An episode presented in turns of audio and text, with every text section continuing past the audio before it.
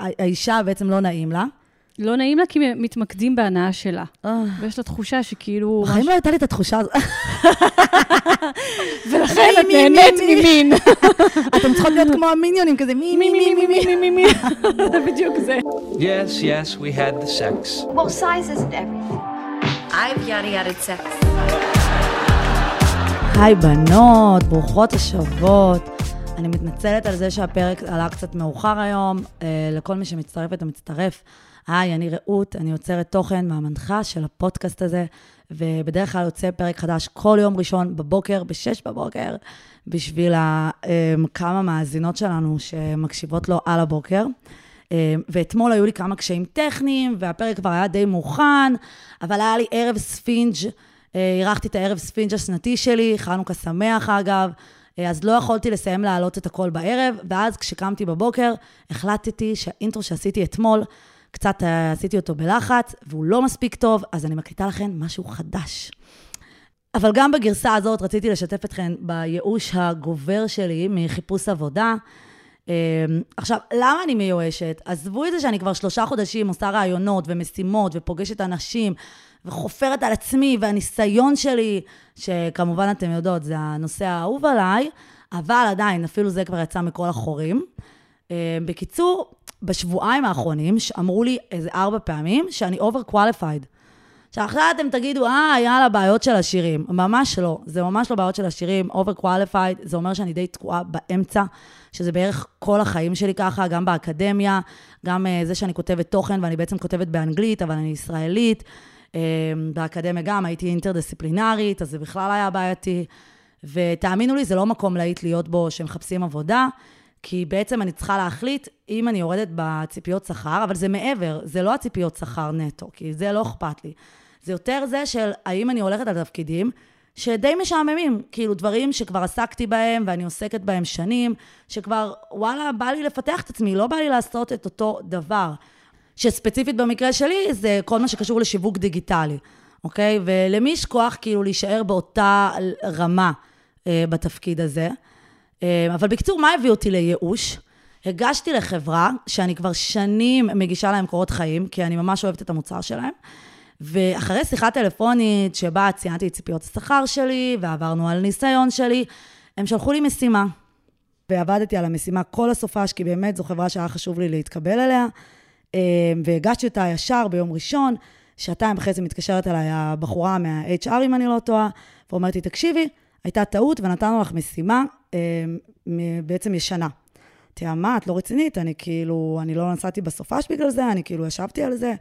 אה, אולי אפשר, אה, זה משימה לאותו תפקיד, כי אם זה לאותו תפקיד, אולי אפשר בכל זאת להתחשב בה, אז מה אם היא ישנה? היא עדיין מראה יכולות. ואז היא אמרה לי, טוב, אני אחזור אלייך וזה, בכל זאת התעקשתי שהיא תברר. ואז היא ביררה, ואמרה לי, כנראה שזה בסדר, אמרתי לה, לפחות שיעברו על המשימה, כי המשימה הזאת כבר מראה איזה שהן יכולות. ואני כן חושבת שאפשר להסתמך עליה אפילו לתפקידים אחרים, גם אם זה לא היה לאותו תפקיד. והיא אמרה לי, כן, כנראה שהם באמת הסתפקו בזה. שעתיים אחרי זה היא מתקשרת אליי, ואומרת לי, לא, אנחנו צריכים לשלוח לך עוד משימה. עכשיו, שתבינו, אני כבר שלושה חודשים בתוך התהליכים האלה עם uh, הגשות ועבודות ומשימות. כבר יוצא לי מכל החורים, כל המשימות האלה שכתוב שלוש שעות ולוקח שלושה ימים לעשות. אף אחד לא לימד אתכם איך בכלל לבנות מבחנים, אתם לא באמת נותנים דברים שקשורים לעבודה חצי מהפעמים, וזה שיא המעצבן. ואז אמרתי, טוב, כאילו, די, כבר אין לי חיים, אני כבר קורסת, אני אעשה עוד משימה. עשיתי עוד משימה בשארית כוחותיי באמת, והגשתי אותה, והם אהבו אותה, והזמנו אותי לראיון פנים מול פנים. אני מגיעה לראיון, והם מדגישים לי over and over again, שכאילו, שתדעי שאנחנו יודעים שיש לך הרבה ניסיון, וזה יכול להיות אה, פחות ממה שאת רגילה מבחינת האקספרטיז שלך. ואמרתי להם, כן, אבל תקשיבו, אני, אין לי אגו. כל עוד אתם מקום שמקדם אנשים uh, מבפנים, אני, אין לי שום בעיה לבוא ולעשות תפקיד שהוא כביכול beneath me. אם בעתיד אני יודעת שכאילו ישמעו אותי, ואני עדיין אוכל להתקדם בחברה הזאת, אוקיי? זו חברה שקשורה ליצירת תוכן, שזה בדיוק מה שאני עושה, ואני משתמשת במוצר שלהם, כשאני מאמינה במוצר, הרבה יותר קל לי. ויצאתי מהרעיון, ומתקשרים אליי, תודה לאל, לפני הסופש, מתקשרים אליי ואומרים לי, תקשיבי, הם מתקשרת אליי מה-HR, ואומרת לי, "אה, את מאוד, את over qualified, יש לך הרבה יותר ניסיון ממה שדרוש למשרה, כי אנחנו החלטנו להפוך את המשרה הזאת עכשיו לג'וניור. ואני פשוט כבר לא יכולתי. סיפרתי לה על הכל, נתתי לה את הפידבק הכי ישיר, אני גם הולכת להציף את זה בכל הרשתות החברתיות. זה פשוט לא בסדר. זה לא בסדר שאת יודעת מה הציפיות שכר שלי ואת יודעת מה ה-over qualifications שלי. אתם יודעים את זה כבר מלפני. כבר ברגע שאתם רואים את הקורות חיים, אוקיי? ולמה אתם מפרסמים בכלל משרה שאתם עדיין לא יודעים אם היא senior או, ג'ין, או junior? בקיצור, זה ממש ייאש אותי, כל היום לא הצלחתי לעבוד, ואל תדאגו, יש לי גם לקוחות קטנים, אז לא חסר לי דדליינים. ממש כאילו קרסתי באותו אה, יום. וכמובן, היה לי את הערב ספינג' אתמול.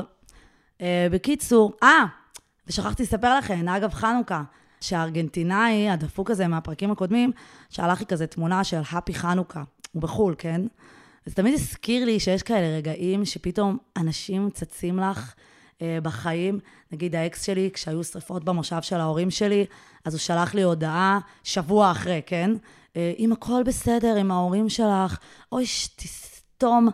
לא דיברנו איזה חצי שנה, והנה נגיד, בחנוכה פתאום אנשים צצים, או כשהתחילה הקורונה, פתאום היו צצים להם בנים מהעבר עם כזאת הודעה של חשבתי עלייך, רציתי לדעת אם את בסדר, בלה בלה בלה, it's the end of the world and I was thinking of you. Um, או שכזה עושים לך לייק לתמונה האחרונה, או תגובה לסטורי, אך, תמיד כזה עם מסרים כזה לא ברורים, כזה, מה אתה רוצה, מאיפה באת לי? והוא בעצמו לא יודע מה הוא רוצה, בנות, הוא פשוט מגשש ומנסה לראות מה הוא מצליח לתפוס בהרחקה שלו. בקיצור, פשוט תשתקו. מנסים להצית פה אש שכבר נכבתה ממזמן, נשמות, הגפרור נשרף ואין עם מי לדבר, אוקיי? אבל האמת שהם עושים את זה כי זה לפעמים עובד להם, נכון? כאילו לפעמים כזה מגששים ואז כזה מתחדש הקשר. אה, בואו נודה, גם אנחנו עושות את זה לפעמים. אגב, אני רק אציין לכל מי שתוהה, אני די מטשטשת פה את הזהות של אנשים. אז אם אני אומרת לכם שמישהו מרמת גן, אז הוא בטח מגבעתיים, ואם אני אומרת לכם ארגנטינאי, אז הוא בטח אורוגוואי, אז כאילו רק שתדעו. ורציתי רק לעדכן שחודש דצמבר זה החודש האחרון שלי באפליקציות. חודשיים נראה לי מספיק לסבב dating הזה. אני לא מתה על הרעיון הזה של לפגוש אנשים דרך swipe right על אה, תמונה כלשהי. אה, אני חושבת שזה עובד לאנשים ספציפיים. נגיד לגברים אה, עם אה, מעל גובה של מטר שמונים ועובדים בהייטק, יכול להיות שזה יעבוד. ואני לא כזה אכפת לי מהדברים האלה, ואני חושבת שאני ספציפית במציאות הרבה יותר שווה. כאילו באופי, כן? ביופי, האמת, אני תמיד אומרת, זו הגרסה של איך אני יכולה להיראות אם אני משקיעה. אבל למי יש כוח להשקיע? בקיצור, אני גם לא עושה הרבה סווייפים ימינה, שזה גם כזה מתסכל. וגם אם אני עושה, זה תמיד כזה סתם כי אני נותנת צ'אנס, ואז אני אומרת, למה אני עושה את זה? כאילו, אני סתם כזה מתפשרת. ואני חושבת שהבנתי גם למה אין לי הרבה swipe right, כי בעצם, להזכירכן, אני לא יכולה לעשות swipe right לאמריקאים. למי שרק מצטרפת, אז היה לי שני קשרים די דפוקים עם אמריקאים, והחברות שלי וגם אני כפינו עליי אה, גמילה מאמריקאים. אז זה כאילו ממש מצמצם לי את הבחירה. אה, אבל אני כן אגיד שהיה איזה בחור חמוד, די הסגנון שלי במראה, גדול כזה, כמו lumberjack, חוטב עצים כזה, רוסי, שמה אני אעשה? זה הגנים התימנים מרוקאים שלי מושכים אותי לשם. בקיצור, אז חשבתי שהוא חמוד, ברושם אה, ראשוני, אבל ככה, ככל שדיברנו, נדלקתי עליו יותר. אה, ולמה? כי הוא יוצר תוכן ומנגן וזה, שוב, גם פה אני קצת אה, מסווה את הפרטים האמיתיים.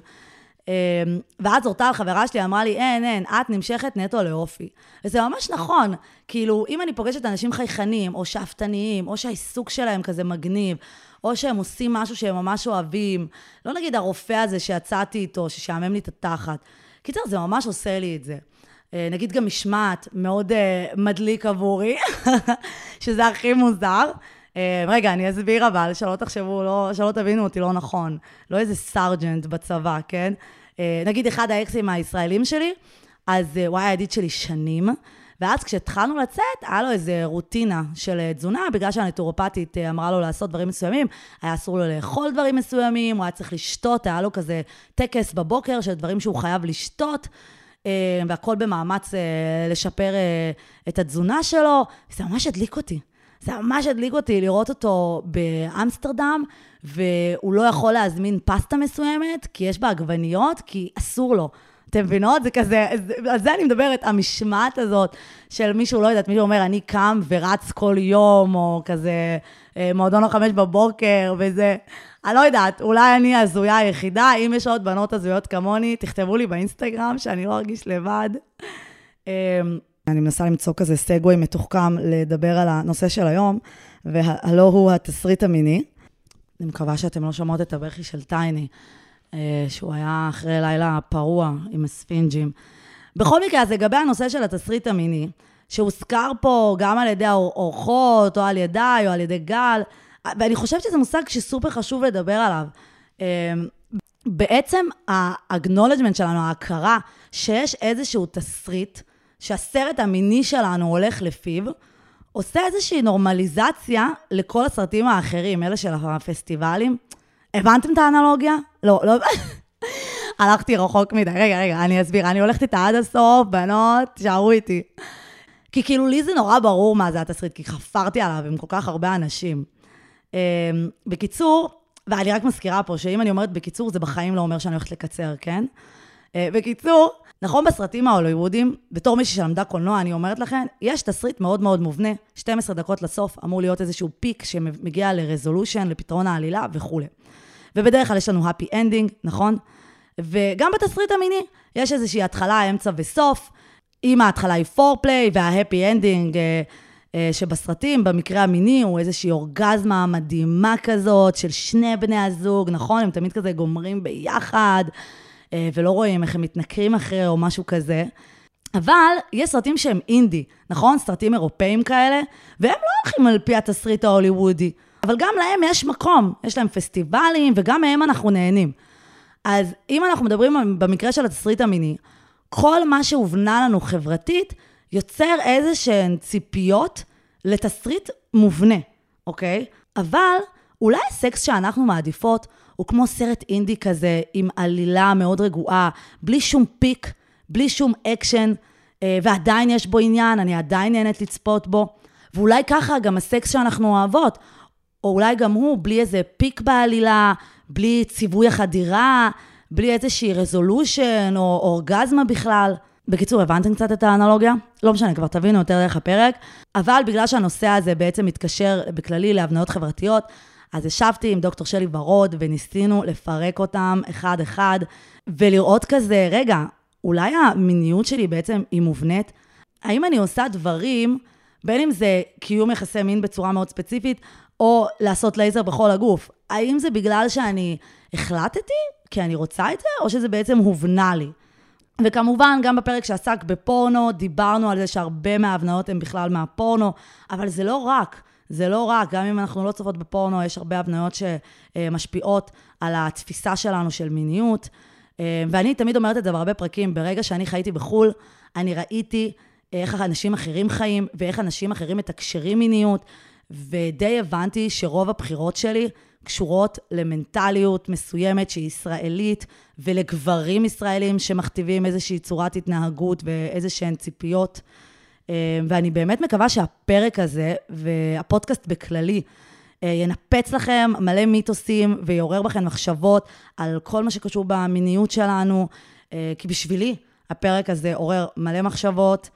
ואם נהניתם לשמוע אותו, כמובן תעבירו אותו הלאה, שתפו עם כמה שיותר אנשים, ויאללה. בנות, קבלו את שלי ורוד, היא מטפלת מינית מוסמכת המתמחה בפתרון בעיות אינטימיות. היא יזמית ומייסדת שותפה בסטארט-אפ המפתח פלטפורמה חכמה למיניות שנקרא סקסנס. ברוכה הבאה, שלי. אהלן. איזה כיף שאת פה. אז את הלימודים שלך את בעצם העברת בישראל וארצות הברית. נכון? אה, כן. זה גם היה לנו במשותף, תמיד גם אני הייתי כזה על קו ישראל ארצות הברית, ופעם אמרת בריאיון שבזמן שהחברות שלך עשו ילדים, את עשית תארים. ואז אמרתי, oh my God, oh she speaks my truth. זה בדיוק מה שאימא שלי כל הזמן הייתה אומרת לי. זה גדול. אמ, את גרת בארצות הברית, אני בלוס אנג'לס, אני יכולה להגיד לך שרוב החברות שלי החלו לעשות ילדים קרוב לגיל 40. וואו. בניגוד למה שקורה בישראל. וכשהייתי בישראל, אה, האמת שלא הגעתי אה, לפה לחופש, הגעתי מסיבות של לטפל בבת משפחה שהייתה צריכה עזרה, אז עזבתי את הכל, עשיתי פוז, ואז הייתי בת 35, באמת אה, רווקה. אה, בלי ילדים, והרגשתי שעוד שנייה מוציאים אותי מעיר. מהעיר אה, מגוריי. ממש כי כולם היו עם ילדים, ואמרו לי, את כאילו לא שייכת לחברה, אה, ומתחילים לייעץ לי בזמנו. הקפאת ביציות, זה לא היה מוכר כמו היום. פעם, ברור. בואי נגיד, אני חייבת שאנשים ידעו, מי שלא צופה ביוטיוב ולראה אותך בתמונה, בת כמה את? אני בת אה, 44. הם לא ינחשו. הם ינחשו. הם לא היום- ינחשו. אז זהו, אז בזמנו. באמת הקפאת ביציות- ממש לא היה לא, ידוע ומוכר. אבל כאילו, כאילו שמים לך פג תוקף על הגוף. הייתי כזה, מה, אני expired עוד שנייה? אני רק בת יואו. 35. אני רוצה להגיד לך שההיריון הראשון היה בגיל 36, מהמם. הריון שני בגיל 39, ואחד ילדתי, אה, את הבת הגדולה ילדתי בלוס אנג'לס, Mm. והלחץ שיש בישראל, ואת השנייה פה, בישראל הכמות לחץ היא. מטורפת, היא פי 100 יותר. מזל שם היה לי הריון רגוע, עדין, אה, נעים. הרופא אמר לי, עזבי אותך, את בת 36, את כמו בת 26, את בריאה. ככה הוא התייחס אליי. פה מתייחסים אליי כאילו הייתי בת 50 שהוא רוצה ללדת. כן, אז נגיד, כאילו, כן צריך להיות מודעות, צריכה להיות מודעות לשעון הביולוגי, אבל את- אני אהיה מודעת לשעון הביולוגי שלי, אתם אל תשימו עליי מדבקה של פג- תוקף עדיין. אבל עשיתי בדיקות גם, עשיתי כן. בדיקות, והאמת שבבדיקות גם ניבאו לי שחורות. זה לא כל באמת? כך, אה, זה בסוף כלום לא היה נכון. אוי, זה ממש מעודד. זה, זה כלום לא היה נכון, באמת, מה שאמרו לי, שלא נדע. אם הייתי מקשיבה, לא היה לי. לא היה לי ילדים היום. זהו, היה לנו עוד סיפור כזה שזוג שראיינתי שאמרו להם שהם לא יוכלו להביא ילדים, יצטרכו לאמץ, והיום יש להם שני ילדים, מטיפו- הרבה טיפולי פוריות, אבל הם הצליחו. אז אצלי על הפעם הראשונה הצלחתי. וואו. בפעם הראשונה שאמרנו, טוב, ננסה אני ויהב, בום. ואמרו לי שאני לא אצליח. זה מזכיר לי את קים קרדשיאנס, אני תמיד נותנת רפרנס מהקרדשיאנס? I apologize. כי היא לא האמינה, לה היה את הספירת אה, אה, זקיקים הכי נמוכה מכל האחיות, אה. ואז, תוך כדי שהיא התגרשה, היא עדיין לא הספיקה להתגרש, היא הפסיקה את הגלולות רק כדי שהיא תוכל להביא ילדים בעתיד הרחוק עם קניה ווסט, ותוך כדי שהיא נשואה לבעלה הקודם, היא, היא נכנסה להיריון בטעות. ואת הגירושים היא עברה בחודש שביעי. אני לא כאילו, משהו כזה. גדול. איזה- איזה- אבל ברכה. המוח שלי מלא במידע לא רלוונטי על הקרדש. לא, אבל זה בסדר, זה דווקא דוגמה טובה אבל לתת כן, לאנשים. זה מעודד, זה. פשוט מעודד. כן. אז, אבל היום אנחנו התכווצנו לא לדבר על אה, פוריות, אה, זה כבר יהיה פרק מיוחד, אלא לדבר על נושא שאני כן מציינת לפעמים בפרקים, והמומחיות שאני מביאה לפעמים מזכירות, אה, אבל לא נכנסנו אליו לעומק, ואז הגעתי למצב שאני מבינה שהרבה מהמאזינות והמאזינים שלנו בכלל לא מבינים על מה אני מדברת, והנושא הוא התסריט המיני. נכון. אז מה זה בעצם התסריט המיני שכל הזמן אנחנו מזכירים אותו? אז אני התחלתי להשתמש אה, במושג הזה שהוא די ישן, קצת החזרתי אותו בהרצאה שלי בט', תסריט זה דבר מאוד פשוט, זה כמו בסרט שיש לנו התחלה, אמצע, פיק וסיום. גם במה שנקרא מעגל התגובה המיני, התגובות המיניות שלנו, יש לנו את ההתחלה, המשחק המקדים כביכול, למרות שאני אומרת, הוא גם משחק עיקרי. כן. את הפיק, שהוא האורגזמה, את הרזולושן, שזה הסיום, שזה ירידת המתח, הגוף אה, מתעייף, את רוצה לישון, או להתחבק, או, או לקום וללכת. אה, אז את, העניין הוא שאני אומרת תסריט, כי משהו קרה לנו בחברה היום. יש המון המון המון מיקוד בהופעה. מהמם. בדיוק כאילו אנחנו מתחרים פה על אוסקר, אוקיי? זה בדיוק זה, גם בתסריט של סרטים, שם אבל באמת יש תחרות על משחק הכי טוב. כאשר גם אצל שחקנים, דרך אגב, בגלל שלמדתי משחק ארבע שנים, אני יודעת את זה, אה, ככל שהם יותר מרוכזים ברגע, נוכחים ברגע, המשחק יהיה יותר טוב, מאשר שהם בראש, או מאשר שהם מדקלמים את התסריט. תמיד אומרים להם, תצאו מהתסריט, תרגישו רגע משהו. כן. וגם במיטה, ככל שאת יותר נוכחת ברגע. ולא ו- חושבת על מה שאני אמורה לעשות או בדיוק, לחוות. בדיוק. ומה זה אמורה? אה, השפרצות, שפיכה, אורגזמה, עוד פעם, עוד פעם, עוד פעם, כל דבר, כמה פעמים, כל אלה שאני אומרת להם לפעמים שאי אפשר אה, הרבה פעמים. אה, לא כל גבר יכול לעשות מספר אה, פעמים, לקיים מספר פעמים יחסי מין. לא כל אישה נהנית מהרבה אורגזמות, אם כי היא יכולה. אז מתחילים לכתוב לי מלא, אני יכול חמש פעמים, אני יכול שבע פעמים, אני יכול כל הלילה. אמרתי לו, יופי, ולהם, לגברים, שאתם יכולים, אבל אז- מה הפואנטה? אז בואי נפרק את זה בעצם, מה התסריטים בעצם, מה ההבניות הכי נפוצות שאנחנו שומעים? אמרנו, צריך תמיד אורגזמה.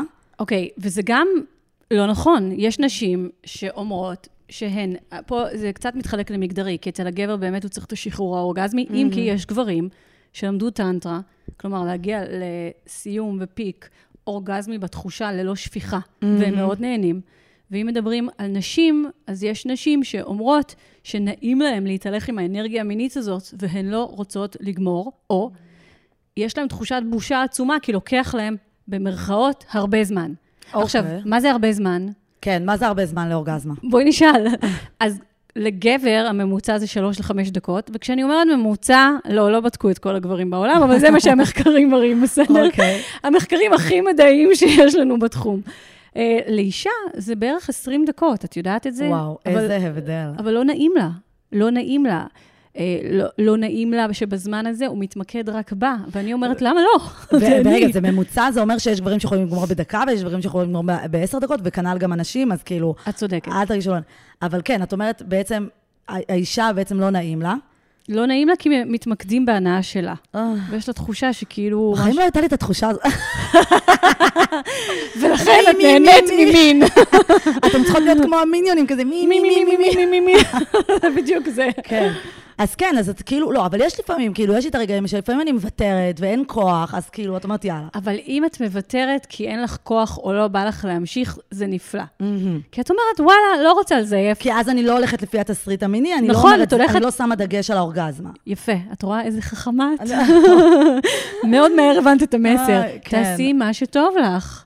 בדיוק שאלו אותי היום אה, באינסטגרם, אם חייבים תמיד, גם כשאין כוח, להמשיך עד לאורגזמה. אבל מי אמר את זה? למה? אה, יכול להיות שהוא יבקש, יכול להיות שאת תרצי, אבל אם מישהו לא רוצה, למה בכוח? זהו, זה בעיקר מפריע לי שהם מתעקשים. בהתחלה זה נחמד מאוד, שאתה באמת, באמת אכפת לך ואתה רוצה שאני אגמור, אבל יש את הבנים האלה, שגם אה, דיברנו על זה בפרק עם יובל הגנן, שהם נורא ביצועיסטים, ואז הם לא באמת רוצים שאת תגמרי כי הם רוצים שתגמרי, הם רוצים שאת תגמרי כי זה משהו שמעיד עליהם. אני אגרום לך לגמור. נכון, זה מעלה להם את הביטחון המיני. אני מספיק טוב אם נכנסתי למיטה וגרמתי לך לגמור. כן. ואם לא גמרת, אז אני לא טוב, משהו בי כן. לא טוב. הם היה- לא לוקחים את זה כאולי האישה אחראית על האורגזמה שלה ולא אתה. אתה אחראי ותו לא, כן. כן, זה- אין פה זה, אבל ככה מלמדים אותם. וזה כן. חלק מהתסריט הלא נכון. כן, אני, היה לי אפילו בחור שכבר, אה, הוא אמר לי, גמרת? אמרתי לו, כן, ואז הוא אומר לי, אז את יכולה לגמור שוב. נשמה, אנחנו לא בתחרות. את, ואז את רואה שהבן אדם בכלל לא איתך. זה כמו שאמרת, הוא לא נוכח ברגע. הוא, הוא כאילו, הוא לא איתנו, הוא בכלל לא אני גומר. חושבת הוא... שמה שאת אומרת שובר את זה, הוא לא היה שם באמת איתך, הוא היה בהישגיות. אם הוא היה איתך ומרגיש שאת רוצה שוב ומציע, זה היה מבורך. בדיוק. אבל הוא לא קרא אותך. בדיוק. את, אז, אז בואו, בנים, כאילו זה נחמד מאוד, אתם, אני באמת מודה לכם, אבל, אבל בעצם, מה הבעיה בכל הקטע הזה, שאת אומרת שיש את הפער הזה בזמן של האורגזמות? אז נוצר בעצם משהו שאנחנו קוראים לו פער האורגזמות, נכון? אז uh, יש פער, כי כמו שאמרנו, יש הבדל זמנים די רציני, ולכן אני אומרת, תחליפו תסריט. אז אמרנו, אורגזמה זה אחד מהמרכיבים של התסריט. מה עוד? נגיד חדירה. חדירה, uh, כן. עכשיו אני, אני בטוחה שאת כמה ראשים, אה, mind is blown right now, רגע. למה? מה שאת הולכת להגיד. כי את אומרת שחדירה זה תסריט. למה? חדירה זה תסריט, כי לא חייבים חדירה בשביל מה, לגמור. אני, אני לא... מה- ואז, ואז הגברים. מתעצבנים עליי. כן, אנשים בשוק. מה, את אומרת שלא צריך את האיבר מין שלי בשביל שהאישה תגיע לאורגזמה? אז לילדים כן, למרות. שיש היום, לא נעים לי להגיד את המדע, אבל בסדר. אה, זה מחבר בין שני אנשים, כן. רוב הנשים, או הרבה נשים, לא תמיד נהנות מחדירה, או נהנות מחדירה, אבל לא לאורך הזמן שהגבר חושב שהיא נהנית מחדירה. בואו, זה יכול להיות כואב גם. כן. האיבר מתייבש לפעמים ולא נעים להם. ממש. עכשיו, הגבר כן נהנה מחדירה, אם כי יש גם גברים שאומרים את האמת, שנעים להם יותר, שמעניקים יור- להם מין אוראלי, שעושים בדיוק. להם ביד. אה, לא, לא בהכרח, אז את אבל זה ניפצת פה מאוד אבל עכשיו מובנה. מיתוס, כאילו, אנשים חושבים שסקס משמע חדירה, ואז אני בעצם, לפעמים נכון. אני מסתכלת על אה, זוגות שהם לא הטרו, ואני אומרת, רגע, אצל גייז, כאילו, מה ההגדרה פה, ב- אנחנו הולכים פה טיפה רחוק מדי, מה ההגדרה של מין? כאילו, אצל אה, אה, לסביות למשל, לפעמים אין, חדירה. גם אצ... אה, ואצל גייז יש חדירה או אין חדירה, גם. אה, ואם אני מגיעה לאורגזמה בלי שחדרת, האם קיימתי יחסי מין? אז בואי אני אחדש לך. יש אה, מישהו שהוא גם אה, היה קולגה שלי, קוראים לו דוקטור קריס דונאיו. הוא גם היה מנחה של סדרות אה, בחו"ל, של סדרות שקשורות למיניות, הוא גם ב Doctors בהקשר למיניות, אממ. והוא גם כתב את הספר Sex Outside the Lines, סקס מחוץ לקווים. והוא אומר שזה סוג של uh, הסיבה שהגדירו סקס פין לפוט, כי אז נורא קל להגדיר גם בעיות תפקודיות, ואז קל לייצר תרופות, ובסופו של יום כל הכסף מגיע מתרופות. אתם רואים?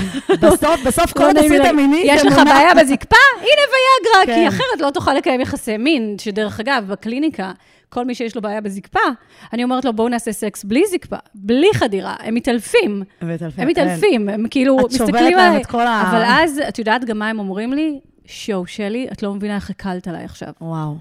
ברגע שהם לומדים לשחרר גם, הוא עולה וואו, בחזרה. אין, זה מדהים. כי הפין מחובר למוח, כן. הפין מחובר לנפש. זה לא, יש נשים גם, אני לא יודעת, בטוח שמעת את זה. לא עמד לו, הוא לא נמשך אליי. אוי, לא בבית ספרי, אבל כן, יש, יש. לא בבית ספרי. אוקיי, אבל אז אני לא כן- בחרדת ביצוע. לא, לא, קרה, קרה, אבל. אני אומרת, בחיים לא חשבתי שזה אשמתי.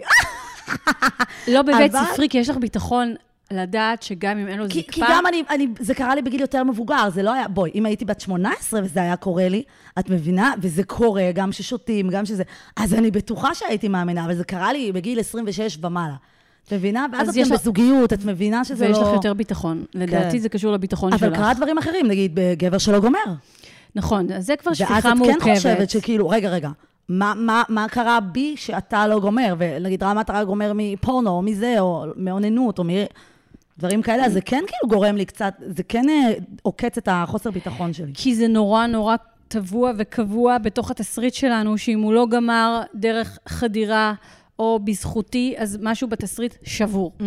כאשר לפעמים זה עניין של העדפות, ממש ככה. וזה לא תמיד קשור למה שאנחנו רגילים. הבעיה היא, היא לא היציאה מהתסריט, הבעיה היא שכל יציאה מהתסריט גורמת לנו להרגיש לא טוב. שאנחנו לא הבעיה. בנורמה. נכון, שאנחנו, ש... אז או שלא נמשכים אלינו, או שאני לא מספיק טובה, ואותו דבר הגבר, זו הבעיה. אם זה לא היה יוצר תחושות של האם אני נורמלית, האם זה טבעי, האם זה נכון, האם זה לא נכון, כל הזמן מערער לנו את הביטחון, לא הייתה בעיה. יש גם את הקטע הזה בהקשר של חדירה, ש... שכאילו אנחנו שמים דגש על חדירה, וגברים חושבים כאילו זה הדרך גם להביא אותי לאורגזמה. אם אתם כבר ביצועיסטים, יש עוד דרכים. תראי, זה גם לא הדרך להביא לאורגזמה. אה, רוב הנשים לא גומרות מחדירה, וזה גם מוכח אה, מחקרית, וגם נשים יספרו לך. נשים גומרות מגירוי חיצוני, אזור הדגדגן. זה ולכל האזור האלה עכשיו היחיד. שאומרים לי, אני יודע מתי הן גומרות, סתמו את הפה. לא. אתה לא, אתה לא.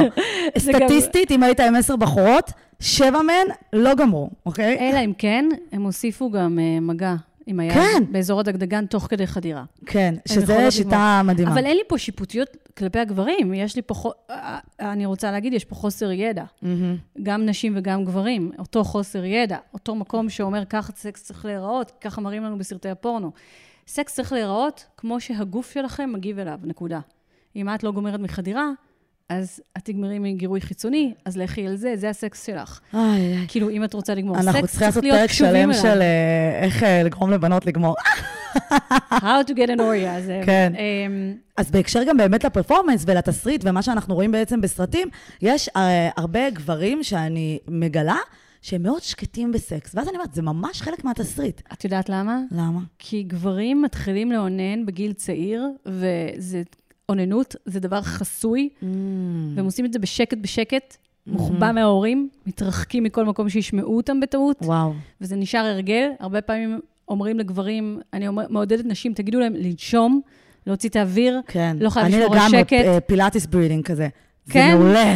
לא חייבים לשמור על שקט, זה באמת המקום שתשחררו את האוויר, תוציאו קולות, תאפשרו לעצמכם. זה ממש ללמד אותם מחדש משהו שהוא כמעט הוטמע בהם בגיל הנעורים. וואו, אז, אז זהו, אז זה כאילו, הם לא מבינים עד כמה שאני גם צריכה את הפידבק הזה ממך. נכון, הצלילים, כמו שאמרנו, אם זה עולם חושני, אז דיברנו על טעם, דיברנו על ריח, אז עכשיו אנחנו מדברים באמת על השמיעה, אה, חוש הראייה זה די ברור. אה, צלילים, חוש השמיעה זה אחד הדברים היותר מעוררים שיש, תסכימי איתי? ממש. אבל לא רק לגברים, גם, גם הנשים, כן, לא, נשים הן לא צרכניות כמו בפורנו, אבל הן בהחלט מתנשפות, נושמות, בעיקר אם הן משחררות, אז גם גברים, זה נורא סקסי. זה מדהים, זה, נורא מדהים. סקסי, זה לגלות שאת מגרה לגמור- אותו, בדיוק. בדיוק. אז חבר'ה, תשחררו את הקולות, תשחררו את זה. למה אתם. עושים לי סקס כמו רובוט? אני. כאילו, אתה נהנה? אתה לא נהנה? את צריכה להעביר שאלון פה באמצע? זה מצחיקה. כאילו, מה נסגר איתכם? כן, זה מעודד. איזה איזה עוד אלמנטים אז יש אה, בתסריט המיני שעכשיו ככה עולים לך לראש? אמ, בואי נדבר על שפיכה מוקדמת. בעיה מאוד טבעית שקורית לגברים בעיקר בתחילת קשר, במקום להגיד, יואו, איזה כיף שהוא מתרגש ממני והוא גומר מהר. אז אנשים אני אומרות- כבר בגיל שאני שאני אגיד את זה. כי אני- אני בצד השני של הספקטרום של וואי, הוא לא גומר, כאילו, מסיבות אחרות, נגיד, יש אה, בנים שיכולים לגמור רק אה, מפורנו או מאוננות, או דברים כאלה, אז אני כאילו, אם הוא גומר, אני, וואו, איזה יופי. כוחו של הרגל, כוחו של כן, הרגל. לא, את באמת מרגישה שאיזה כיף, הוא נמשך אליי. נכון, אבל פה, אם, אם הגבר כאילו גומר נורא נורא מהר, אז הן אה, דווקא לא מפענחות את זה, כי הן עושות הרבה שיימינג לגבר. וואי, את יודעת, עכשיו את מזכירה לי, רק עכשיו זה עולה לי. אני עכשיו הייתי בספרד, והייתי עם מתי מישהו... בספרד? הייתי עכשיו. לפני שבוע בספרד. אה, לא, לא, לא, בחגים, בחגים. אוקיי. והייתי בברצלונה. ופגשתי בחור מאוד מאוד חמוד, וכשהתנשקנו כזה, אז הוא אמר לי, לא, לא נעים, כי היינו עם עוד חברים, למרות שהם היו עם הגב אלינו. אמ, ואז אה, אמרתי לו, כאילו, הוא, הוא התוודה בפניי שבחיים לא היה לו חברה. לא הייתה לו חברה. ואז אני כאילו שאלתי אותו, מה, אבל אתה בטוח? כאילו, בשיא, את יודעת, אני מאוד תקשורתית ומאוד פתוחה, והוא גם ראה שכאילו... למה הנחת שהוא בתול? אה, כי הוא, הוא כאילו נורא התבייש? לגעת בי. Mm. את מבינה? ואז הוא אמר לי, לקח לו זמן, והוא אמר לא, שאני גם, את יודעת, לא ממש אכפת לי.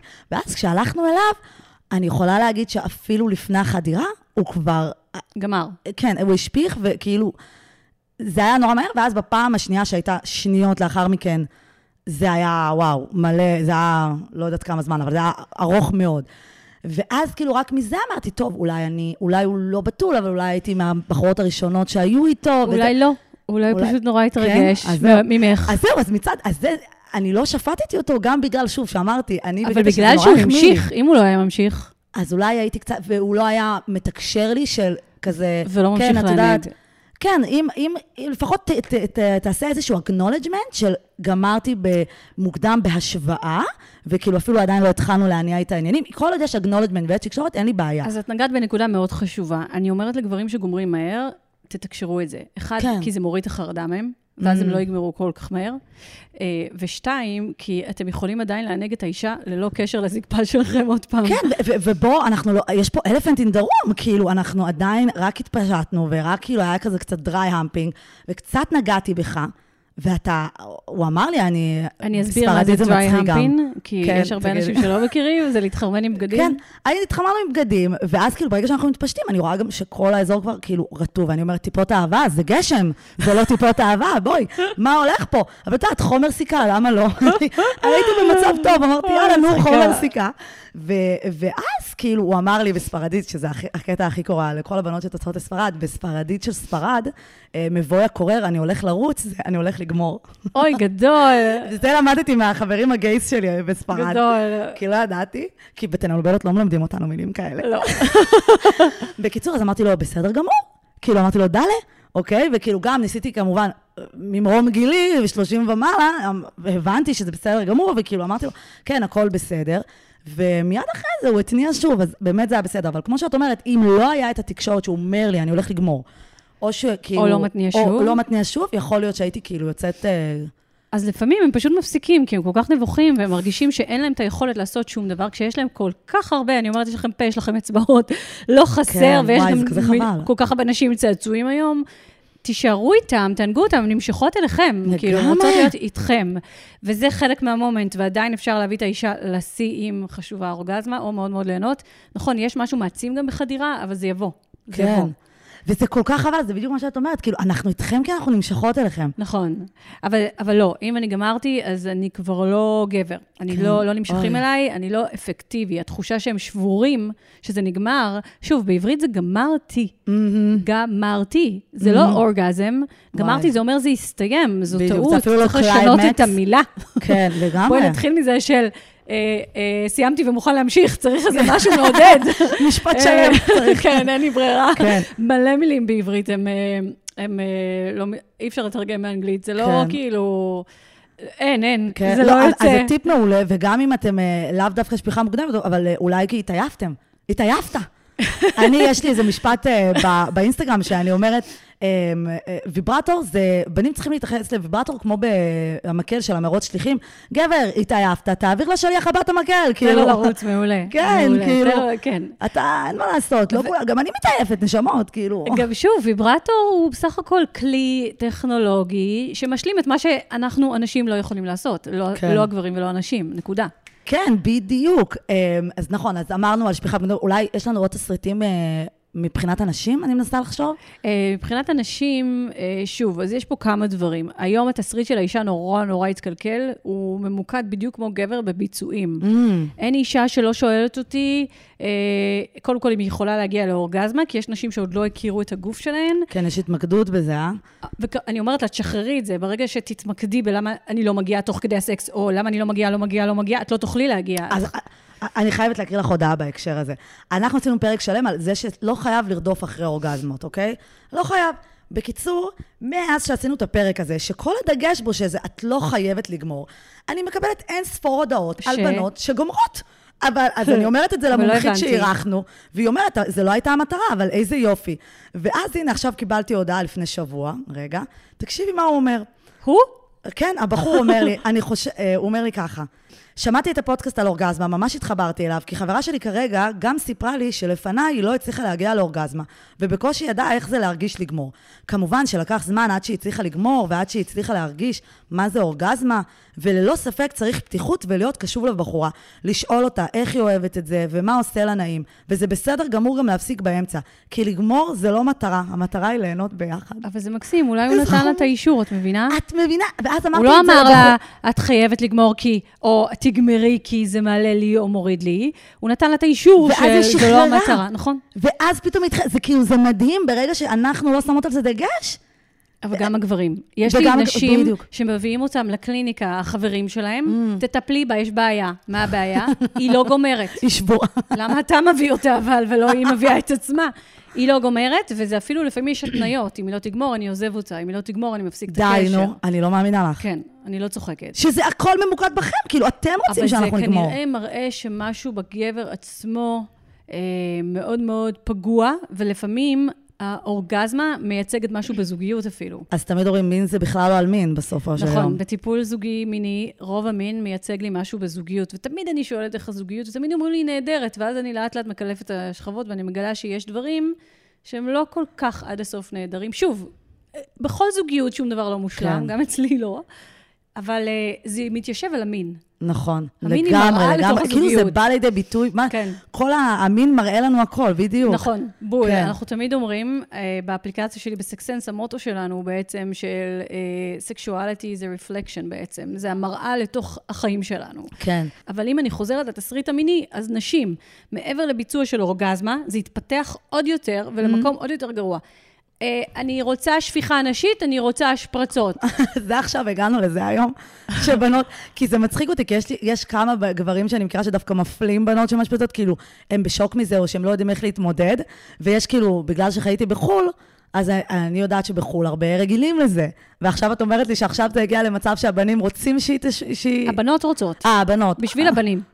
נו, באמת. הבנות רוצות בשביל הגברים, כי הגברים אמרו להם שהם ראו את זה וזה גירה אותם מאוד. אבל איפה הם ראו? איפה, איפה, איפה? בפורנו. תודה רבה. ודיברנו, הרי למה הם רואים את זה בפורנו? כי אתם חייבים את ההשפרצה הזאת, בגלל שזה אה, מדיום מאוד ויזואלי. זה, מדי... זה ויזואלי, זה לא רק ויזואלי, זה גורם להם להרגיש שהם הביאו אותה לביצוע הכי מגרש שיכול להיות. ואני אומרת, הבנתי שאין כזה הבדל ב- בעוצמה. אולי ב- האורגזמה? של אורגזמה פנימית או חיצונית? השחרור של הנוזלים לא חייב להיות תוך כדי אורגזמה, הוא קורה לפני לפעמים. בדיוק, אז זהו, אז חברה שלי אמרה לי, כן, אני כאילו יכולה לשחרר נוזלים חמש פעמים במהלך יחסי מין. נכון. היא אמרה לי מספרים הרבה יותר מטורפים, אבל לפעמים אני אפילו לא מאמינה כשהיא אומרת לי את זה. אבל זה לאו דווקא אומר שהאורגזמה הזאת תהיה יותר עוצמתית מבחינתי בסופו של יום, או... זה יותר מזה, מה שאת רואה בסרטים זה לא ההשפרצות במציאות. במציאות זה לא כמו בסרטי הפורנו, שזה... זה יותר מזרקה. שפיכה, זה פחות השפרצה. זה יותר שפיכה, זה פחות, נכון, זה יכול להיות טיפ-טיפה השפרצה במציאות. הם, עכשיו, תשאלי איך אני יודעת את זה. איך? אני לא שואלת את הנשים אה, בקליניקה, אבל אה, יש אה, אה, מנחה אמריקאי שקוראים לו קנת פליי, שמעת עליו? לא. אבל אז- אנחנו ניתן את כל השמות האלה בתיאור, חבר'ה. הוא קנת פליי, אם תחפשו אותו, הוא ייצר סרטוני הסברה וואו. לש, להשפרצות. לאיך להשפריץ? כן. אז אולי אני לא יודעת. עכשיו, אבל זה לא חוכמה, עוד פעם הוא מביא מישהי שהיא שחקנית פורנו להראות עליה. אוי, אז- נו, אז באמת. כאילו, או לפחות מוכרת אני בעולם מתה על זה שגבר הפורנוגרפיה. מלמד... אה, עכשיו, זה מה שאותי הצחיק, תודה. כן, אני כזה, למה. אתה, הגבר, הגבר, מלמד פעולה על אישה? למה? לא הצלחתי להבין. וואי, כן, זה קורע. לא, תקשיבי, אבל, אבל אבל בסדר, אבל אז שמעתי, סרטון, אה, שמעתי אותו בפודקאסטים, ש- ראיתי סרטונים, וגם בסרטונים שהוא מראה, אמרתי, כן. טוב, אני חייבת להבין מה הוא עושה שם. דרך אגב, הוא לא חידש, זה בדיוק הטכניקה שאמרו לי שקיימת. אה, ואת רואה שיש כאילו טיפה כזה. זה לא, זה לא, זה טיפה. בגלל שאני גם חברת האגודה האירופאית למיניות, זה European Society for Sexual Medicine, זה אפילו, mm. medicine זה אפילו, זה לא רק רפואה, זה גם אה, פתרונות רפואיים. בכל מקרה, אה, אני גם שאלתי גינקולוגים ולא מעט, והם באמת, אה, המחקרים דרך אגב, מראים שלא כל אישה יכולה, בניגוד למה שקואוצ'רים, קואוצ'רים, שוב, גברים, שמלמדים נשים להגיע לזה, הם, הם אומרים, לא, יש לי, גם, גם הכנס הזה אומר, יש לי איזה 100 אחוז הצלחה, קרוב. בסדר, הצלחה, שוב, צריך לראות בפרופורציות איך זה נראה באמת לעומת הסרטים. כן. זה, אם זה הצלחה, אז אוקיי, whatever. אבל מחקרים מראים שלא. גם, דרך אגב, הרבה אה, נשים שמגיעות לשפיכה, מאוד, הרבה הרבה יציאה של נוזלים, חשות בושה, חשות כן. נעימות, חושבות שזה פיפי. הרי זה מה שאני רגילה לשמוע. נכון. אז אה, יש פה בין הביצוע להופעה, לתסריט המיני שחושבים שהן צריכות להגיע, לבין עניין שברגע שזה זה מצחיק, כי למי שזה קורה היא מרגישה בושה, ולמי שזה לא קורה היא רוצה. זה הקטע, זה כאילו, אנחנו אף פעם לא אף מרוצות. אחד, אף אחד לא זה. כן. לא, פעם מישהו אמר לי, שלי, תשימי לב, תשימי לב מה הן כותבות לך. אם זה גדול מדי, זה כואב. אם זה קטן מדי, זה לא מענג. אם זה ארוך מדי, זה כואב ולא נעים. אם זה קצר. מדי, זה לא מענג. מה הן רוצות ממני? ככה הוא כתב. מה נשים רוצות? האמת שזה הזכיר לי, הקטע הזה עם ההסגברה שלו, שהייתי, הסגברה שלו, שהייתי בספרד, אז הראו לנו איזה פסל של דלי או לא יודעת מה. וזה היה כאילו commissioned art, זה כאילו שילמו לעירייה לעשות את זה, ואז לא, הוא לא אמר להם מה עומד מאחורי זה. ואז אחרי שהם עשו את ה installment והתקינו את זה במקום, בכיכר, אז שאלו אותו מה זה, אז הוא אמר, זה מסמל, אה, זה, זה האורגזמה הנשית. ואז אמרתי למדריך, כאילו, he would know, מה אתה יודע על אורגזמה נשית? כאילו, פסל פסל, אומן אומן, אבל מה הוא יודע? מה הוא מה היה שם בפסל? סתם, משהו כאילו הזוי, כאילו, סבבה ש... ברור שזה לא, בואי, אני חושבת ששופטים פה את דליה, אני לא יודעת אם זה היה נכון, דליה, לא אבל. כאילו, ברור שהוא אמר, בטח זה היה הייצוג שלו, מה שהוא חושב, כן? אבל אה, תני לי לצאת עליו ולהגיד, מה אתם יודעים? It's funny. אה, כן, זה כאילו... אבל אה, טוב, הם יכולים טיפה לנסות לתאר. כן. אני כן אבל רוצה להגיד, באופן אישי ומקצועי לנשים, תעזבו את זה. מהמם, תעזבו את. המיקוד הזה. לא לכולן יש מספיק נוזלים בגוף, לא לכולן יש רטיבות, אה, מספיק... אה, זה, זה גם תהליך... שאני לא בטוחה שכולן נהנות מהמגע הזה, זה מגע באזור אזור נקודת ה-G, שוב, כי אין שם באמת נקודה ואין שם באמת שום G, אבל יש שם אזור, כביכול, אה, שאם מגרים אותו, אומרים שזה... שימו לב, זה אזור, זה- כן, זה נקודה אזור, חשוב. זה אזור. זה לא נקודה. זה גם, תראו, אה, אני אשים לכם לינקים לתמונות אם אתם רוצים. זה גם לא אישות בפני עצמה, זאת אומרת, זה אזור שהוא זהה ברקמה של האור לכל שאר הווגינה, אין שם שום דבר מעבר לזה, אבל הוא יכול באמת להפריש יותר נוזלים. אומרים שזה למעשה מאחורה של הדגדגן. מהמם.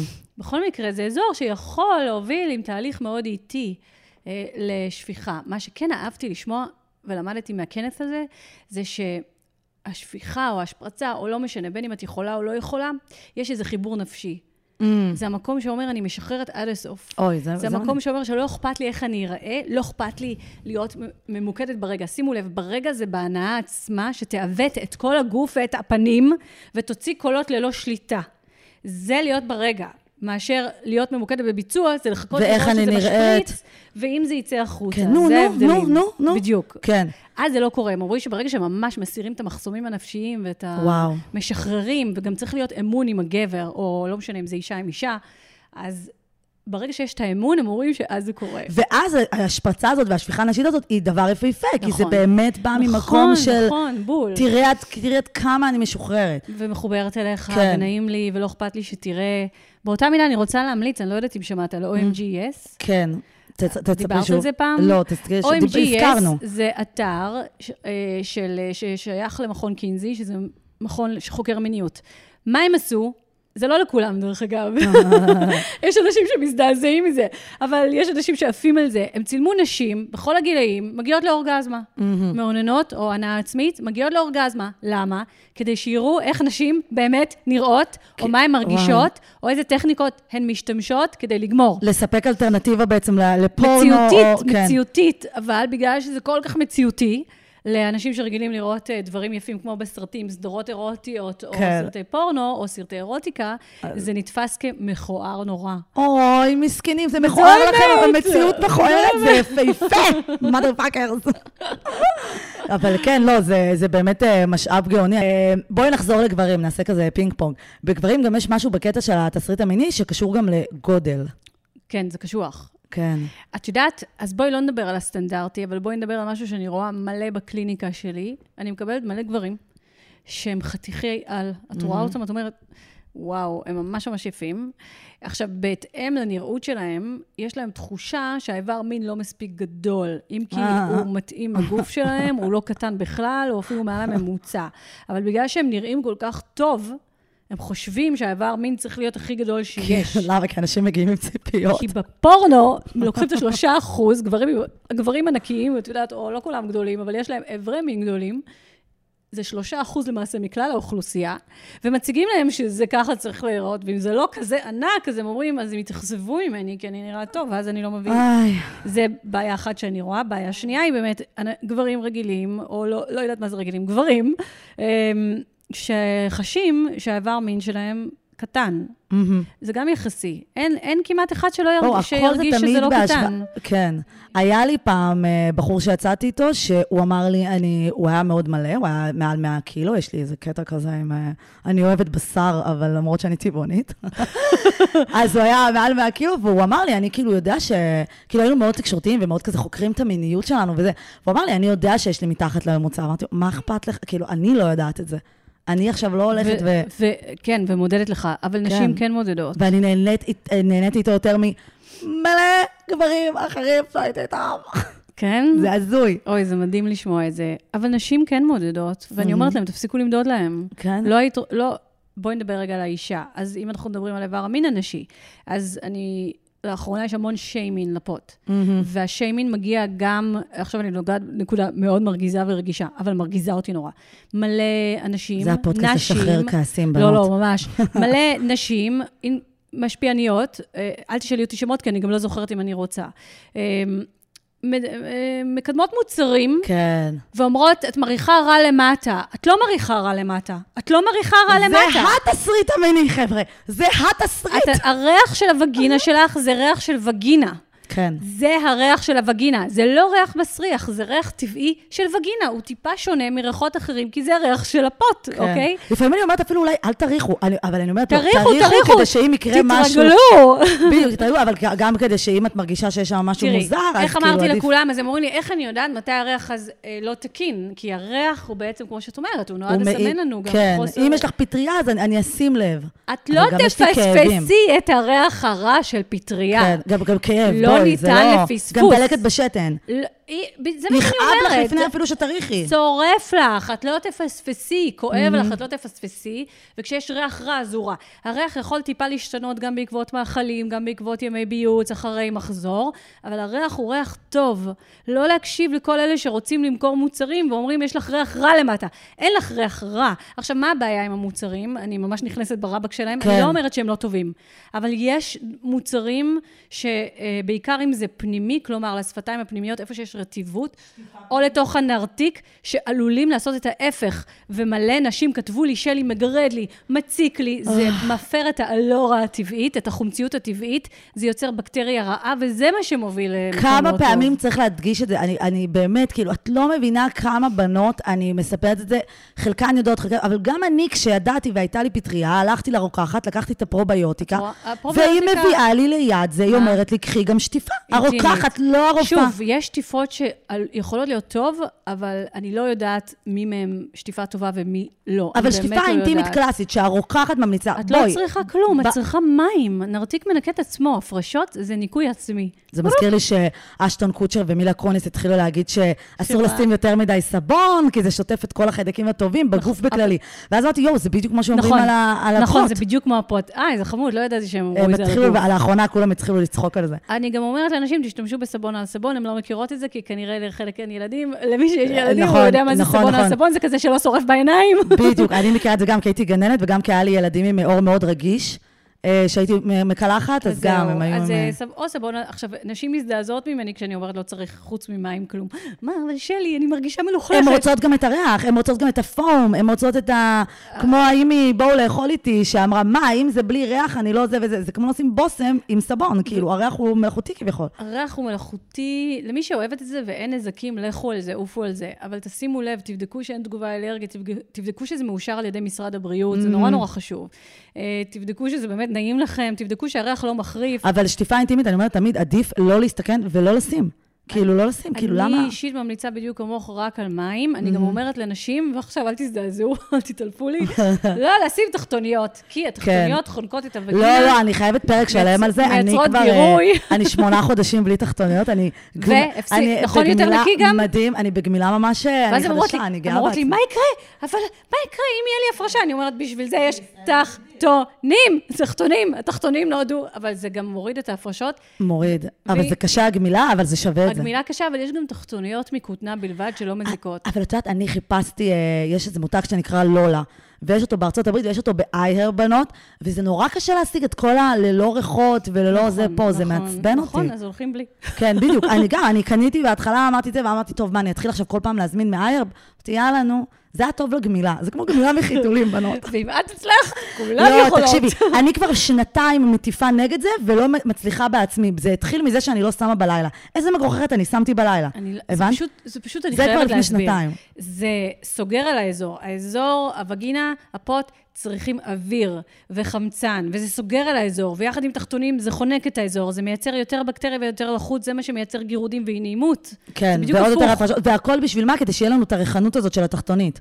אה, לא, אסור עם ריח, זה בכלל אה. בדיוק, גם אז לא. הטמפונים עם ריח, אז אוי את אוי יודעת, אוי, אני אוי, באה אוי, ואני אוי. מתחילה להריח את הקופסאות, הרי הקופסה כבר מריחה, ואני אומרת, אולי אני אמצא בגוד פארם משהו בלי ריח. אין. אוי, לא, לא, זה, זה שוב, אין. זה גם עדיין עושה שיימינג לנשים שהן צריכות. לא ראיתי גבר אחד שמקבל מוצר לריח הרע שיש לו באזור... כן, הביצים שלהם מריחות כמו של תודה. ואז הם כן? אומרים לי, מה? לא, אבל לנו האיבר שונה, אבל בדיוק נגעת בנקודה. אבל מים מהשכים, אתם לא מזיעים, אין אה, זה זה- ה... מים מנקים, נגמר הסיפור, ותעשו טווים טווים, כן? כן. קצת לקצץ. ובואי, אני, אני לפעמים פעם הייתי כאילו מכריחה אה, גבר, אני לא מוכנה אוראלי לפני שאני מתקלחת. בסדר, ס- את זה אני סבבה. שומעת על הרבה, וזה מקובל לדעתי. כן, כי אם אני ארגיש בנוח, אז סבבה. אבל גבר, אי פעם אמר לי, לא, לא, רגע, רגע, לא התקלחתי? לא, כי... השתין בשירות משתנות ציבוריות, ואתם יודעים כמה חיידקים יש שם. לא, אם תמשיכי, הם לא יעניקו יותר עכשיו לגברים, לנו- להתעצרי. אני שמנו את השפתיים שלנו, אוקיי?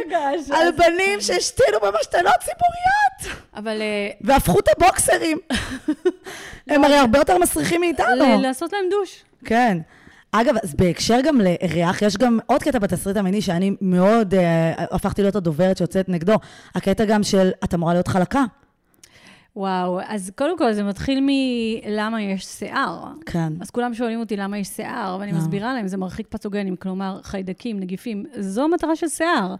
שיער אמור להיות באזור הזה, להגן על האזור כן, הזה. גבר, זה לא להרחיק אותך, זה לשמור עליי. תתקרב. אבל, אבל אני יכולה להבין שזה מזעזע אנשים כי האופנה השתנתה. בסדר, זה כמו בגבות, זה קצר, כמו עבה. בגבות. אוקיי, בסדר, לכו על האופנה. אבל יש הבדל בין אופנה לבין חלק לייזר. תיזהרו גם. כי מה עכשיו עשיתם לייזר, ואם האופנה של שיער תחזור? זה בדיוק מה שקורה לי. אני לא, האופנה לא חזרה, אבל אני מחזירה אותה לעצמי, ואני עשיתי לייזר, כמובן. לאט לאט שראיתי שזה מתחיל להיות ממש חלק ולא צומח, הפסקתי. נבהלת. ועכשיו אני לא אשקר, ממש ככה, זה היה ככה, נבהלתי, אמרתי, שיט, אימא'לה, מה יקרה? זה, זה יותר גרוע מקעקוע. מה, אני לא יכולה לשים עכשיו ש- תוספות שם. אין. אה, אז, אז כאילו, שוב, לכו לפי התחושה שלכן, אבל את יודעת, מלא נשים כותבות לי שיש להן אה, שיער, והן מתביישות, אבל הן לא רוצות לגלח, והן לא רוצות לייזר, והן חשות בושה עצומה.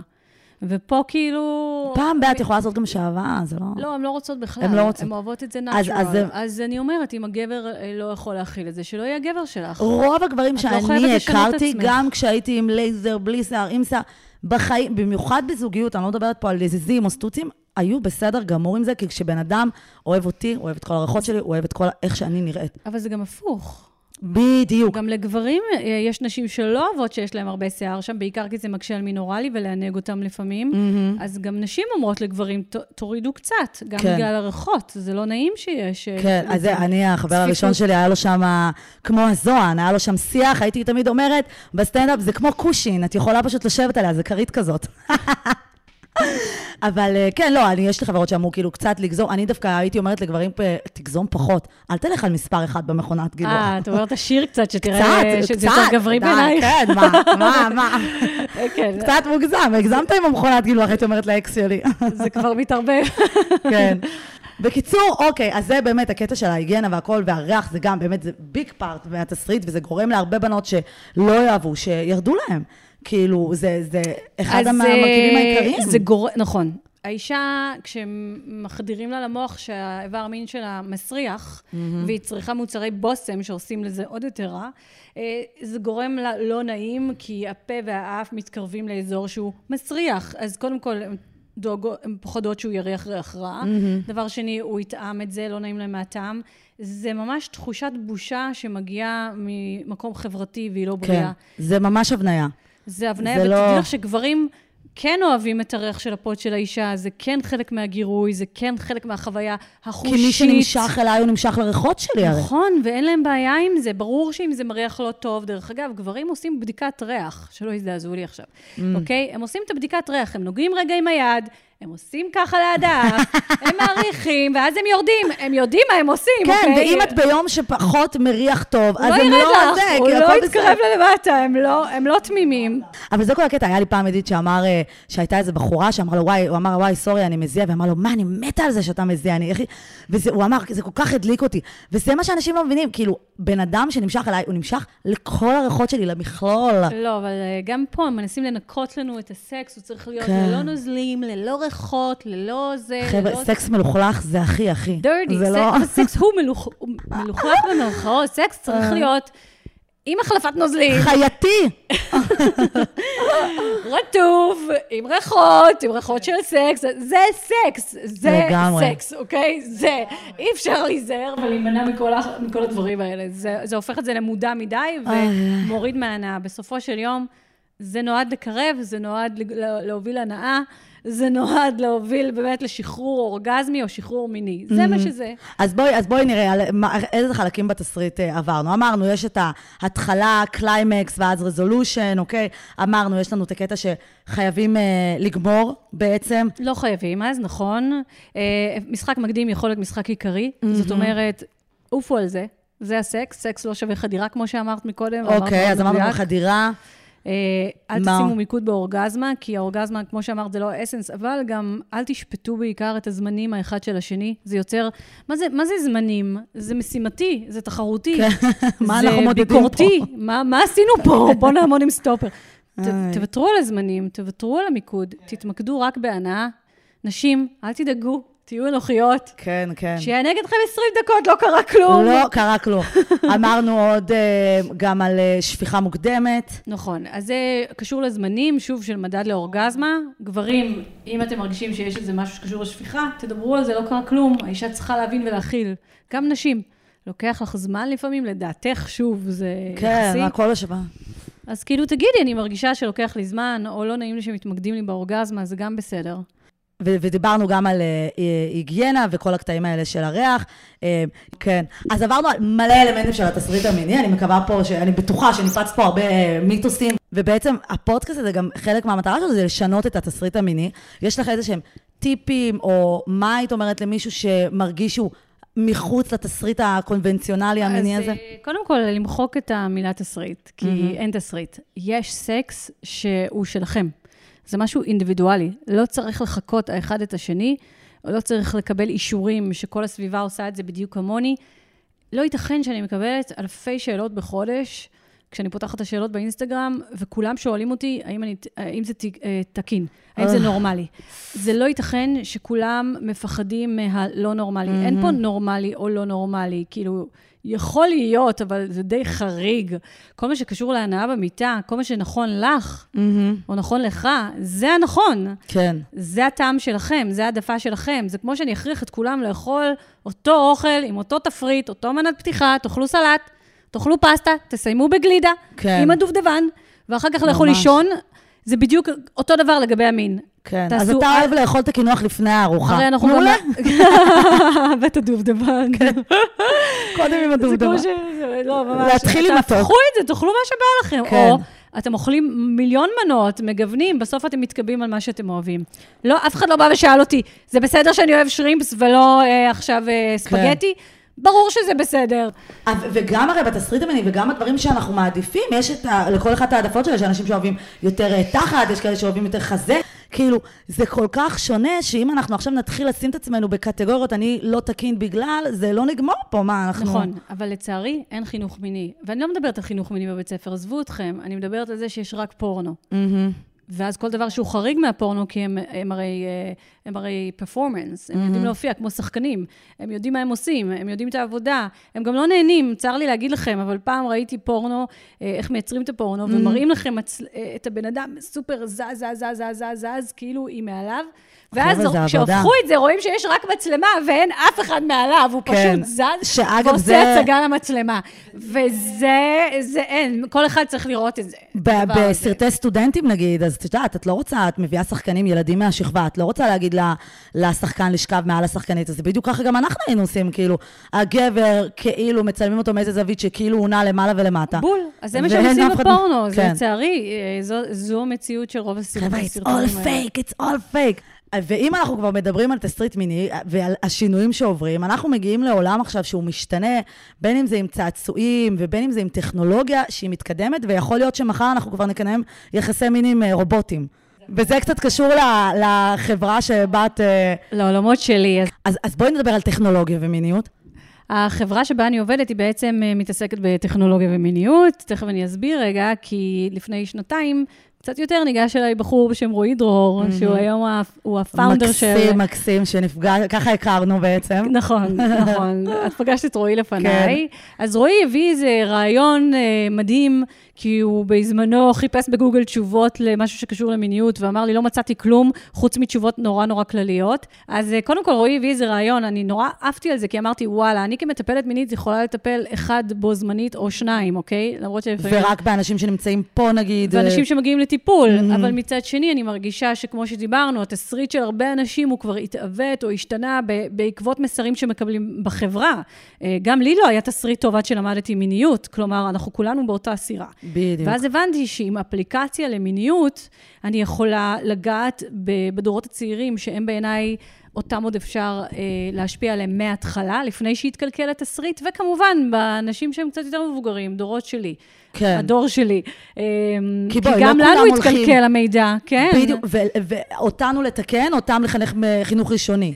ממש ככה, לנו לעזור באמת לתפוס את המציאות, שזה לא פשוט. לא פשוט. לא משנה כמה אני נכון. אגיד שסקס לא סובב סביב חדירה, הם יגידו לי על מה את מדברת. נכון. לא פשוט, זה יתקבע. אז מה זה אה, בעצם האפליקציה הזאת? אז האפליקציה היא בעצם סקסולוגית וירטואלית. Mm. איך אני אומרת? זה אני, ובסוף היא תהיה יותר חכמה ממני, כי זה בעצם עובד על artificial intelligent. מדהים. גם הרבה, אני חושבת שיש הרבה... גם אני רציתי פעם ללכת לסקסולוגית עם האקס שלי, וזה היה מאוד בעייתית. איך אני מגיעה לזה, מה אני עושה, כל החיפוש והתשלום וכל זה. נכון, אז, אז- זה פותר בעיה מהותית. תראי, זה לא מטפל בבעיה תפקודית פר סה, כמו נכון. מטפלת מינית, אני לא יושבת איתך שעה ומקבלת כל המידע, אבל היא מייצרת איתך דיאלוג בשביל לתת לך מידע מהימן. המידע זה זה יכול הבסיס. לענות על השאלה האם זה תקין. בול. תודה. שזה מדהים. הנה, האסנס, בדיוק הבנתי כן. את המקור. ואנשים אומרים לי, אבל מה הפתרונות שלי? מה הפתרון? אני מסבירה להם, הפתרון הוא המידע האמיתי, Mm. הנכון. הפתרון הוא להסביר לך שאם את לא משפריצה, את עדיין מקיימת יחסי מין ויכולה ליהנות, ולא כולן יכולות להשפריץ. וזה מדהים איך משפט כזה יכול לשנות את החיי מין ואת המערכות יחסים של הבן אדם ששאל את זה. נכון, אם הם יוצרים אמון. אז מי שרוצה, רוצה, אה, אנחנו נשים את כל הפרטים על האפליקציה ואת האינסטגרם של שלי בתיאור של הפרק. שלי, את לימדת אותי, ואני מקווה שאת המאזינות והמאזינים שלנו המון. אני, אני גם די עפה עלייך, אני חייבת כן? להגיד, כי את כל כך כנה, וזה כל כך, אה, ואותנטית, זה כל כך נעים להיות עם מישהי שפשוט אומרת את הכל בלי בושה, ואין לה בעיה לחלוק את זה, וזה מקסים אני פשוט. כבר איבדתי את הבושה, no shame in my game, כי אין פה שום גיים. וגם אין שיים. כן, אז בנות, אה, נתראה בפרק הבא. ביי. ביי.